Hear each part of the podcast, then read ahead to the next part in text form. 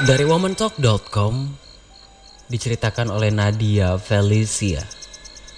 Pengalaman dari seorang narasumber bernama Hani di Jakarta. Setelah sekian lama, Hani baru berani menceritakan kembali kisah ini. Saat itu sedang lembur, Hani mengejar deadline. Maklum sebagai wartawan surat kabar, ada tenggat waktu yang harus dipatuhi. Keberanian menceritakan kejadian di kantor lama ini baru muncul setelah menempati gedung kantor baru. Gedung kantor lama Hani berupa ruko tiga lantai terletak cukup strategis di area Jakarta Selatan, tidak jauh dari pusat kota. Tapi ternyata di area padat sekalipun, mereka yang tak kasat mata tetap menunjukkan eksistensinya khususnya di suatu malam Jumat di pertengahan Agustus beberapa tahun silam. Seperti kebanyakan orang, Hani menikmati musik sambil bekerja karena malam itu terasa sepi dan kawan-kawan lain ada di luar ruangan. Hani malam itu sengaja memasang musik di ponselnya dengan bunyi yang cukup kencang, dengan volume yang tinggi. Dia letakkan ponselnya di sisi kiri komputer.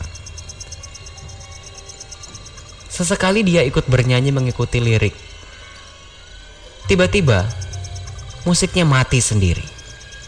Dia lirik ke kiri, ponselnya sudah tidak ada di tempat.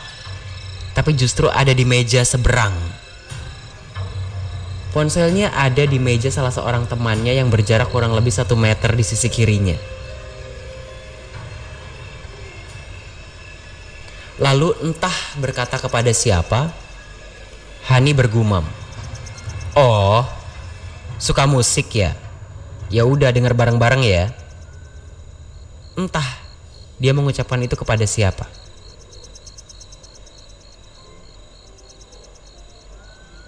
Mau lari, nggak bisa. Tugas belum kelar, dan memang harus kelar malam ini juga.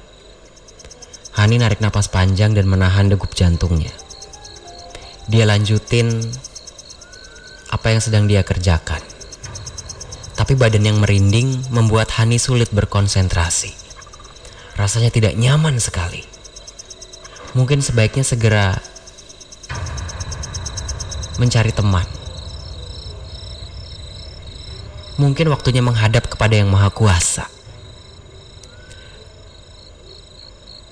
Di kantor itu tidak ada ruang khusus untuk sholat. Dan di lantai tiga ini seperti biasa, Hani sholat di belakang pintu ruangan. Ketika sedang bersiap sholat, Hani mendengar suara pintu ruangan di lantai tiga itu terbuka, tertutup, terbuka, lalu tertutup lagi. Lalu terdengar suara desing komputer menyala. Kemudian Hani berkata, "Eh, Mbak Tami, Kok balik lagi ke kantor? Belum kelar ya kerjaannya? Tidak ada jawaban dari Mbak Tami. Hanya terdengar suara ketikan keyboard. Mbak, Mbak Tami, Mbak Tami mau coklat? Kata Hani sambil menghampiri meja Mbak Tami.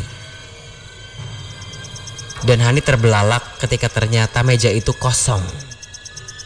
Tidak ada Mbak Tami. Tidak ada siapa pun yang menyalakan komputer fix. Aku harus pulang. Itu yang muncul di benak Hani saat itu juga.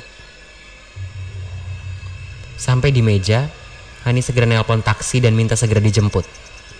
Lewat telepon kantor, Hani menghubungi security minta untuk segera dikabarkan kalau taksi datang. 10 menit ditunggu, beresin barang-barang sampai udah beres. Ternyata satpam gak nelpon-nelpon. Hani segera nyabut ponselnya dari charging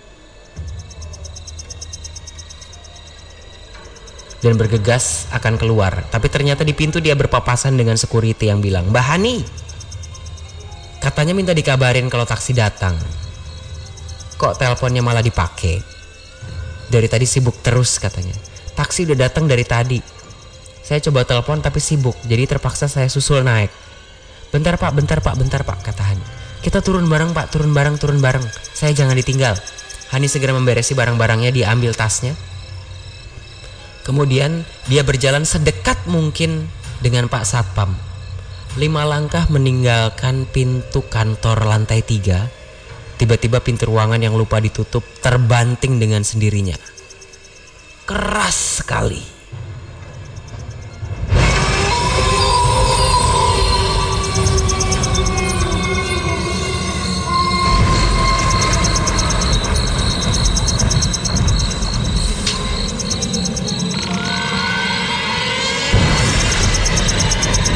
Dan Satpam saling melirik satu sama lain.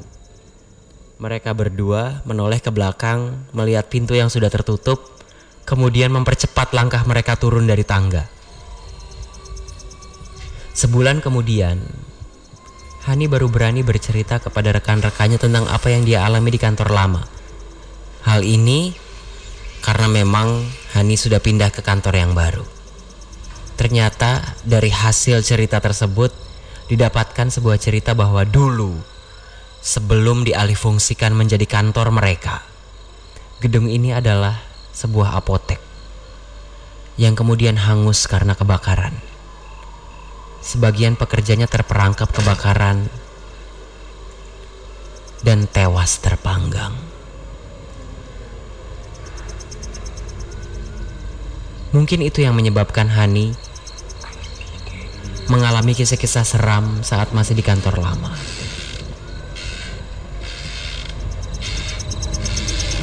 Dan hal tersebut cukup membuat Hani kapok. Dia segera selalu menyelesaikan tugasnya sehingga dia tidak perlu lembur malam hari. Radio, your favorite channel.